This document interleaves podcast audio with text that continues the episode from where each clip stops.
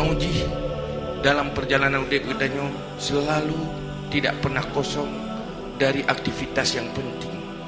Manusia yang selalu sibuk dengan hal yang penting itu pertanda manusia-manusia yang punya masa depan yang baik. Manusia-manusia yang disayangi Allah. Manusia-manusia yang dibimbing oleh Allah.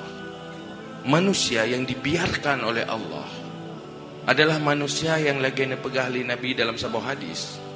Min alamati i'radillahi 'alal 'abdi istighaluhu bima la ya'ni. Tanda seorang hamba tidak diperduli oleh Allah, tidak dibimbing oleh Allah, tidak diperhatikan oleh Allah adalah selalu sibuk dengan hal-hal yang tiada penting. Ura malam sibuk dengan hal yang hana penting. Apa makna penting? Penting dalam persepsi iman adalah sesuatu yang bermanfaat. Pertama ialah yang paling penting yang bermanfaat untuk akhirat. Yang kedua yang bermanfaat untuk dunia tetapi hanya ke sumber malapetaka akhirat. Apabila katanya ura malam sibuk dengan hal kedunya hana manfaat atau manfaat kedunya tetapi je ke malapetaka akhirat ke akhirat hana manfaat abih wate ke hal yang laginya nyen manusia yang sibuk dengan urusan yang tiada penting. Apalagi sibuk punyung sibuk lidah sibuk mata sibuk seluruh anggota dengan hal-hal yang tiada manfaat untuk dunia dan akhirat.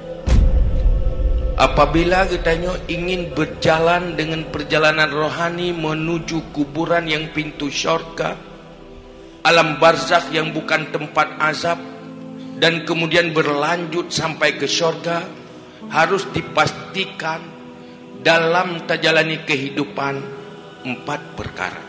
Al-awwalul amri i'tikadun sahih. Punya i'tikad yang benar Iktikad lam hati be iktikad sesat.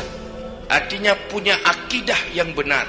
Yaitu para ulama kalau dikategorikan yaitu akidah ahlus sunnah wal jamaah. Be'red dalam akidah yang bid'ah atau akidah yang sesat. Manusia nalhe macam. Nah manusia punya iktikad yang benar. Nah manusia yang punya iktikad yang salah. Sesat. Nah manusia tidak punya etikat. Kan etikat tapu plau ngeju menanju.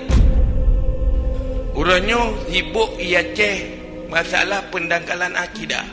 Longkun tanpa didangkalkan pun di survei masyarakat Aceh etikatnya memang sudah dangkal.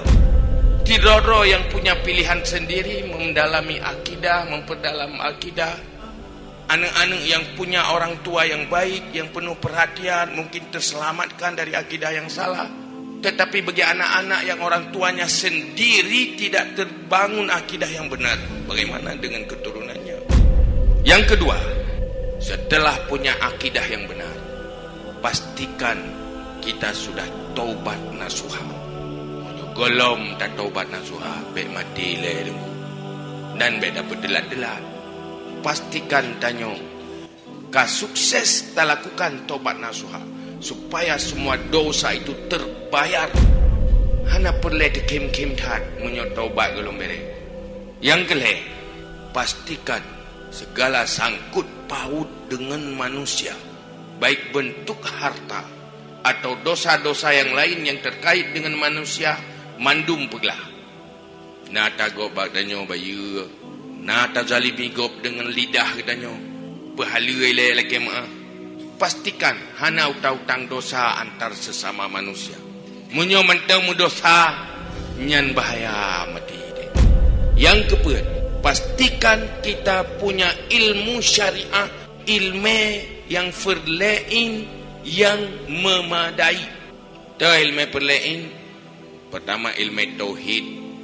Pastikan beglah tauhid ilmu perlein menansi ilmu fikah tata cara ibadat yang wajib-wajib berbutoi-butoi sip menansi ilmu menyangkut dengan akhlak menyangkut dengan hati baik hatinya bro. Baik hatinya dengki baik hatinya sombong baik hatinya ria baik hatinya cinta dunia lupa akhirat. Cinta makhluk lupa Allah. Cinta hidup lupa mati. Cinta pembangunan lupa kuburan. Ini adalah hati-hati yang gagal. Sehingga orangnya pantas syariat yang dia manahkan undang-undang tidak jalan. Pakiban jalan syariat di dalam kejahilan dan kebodohan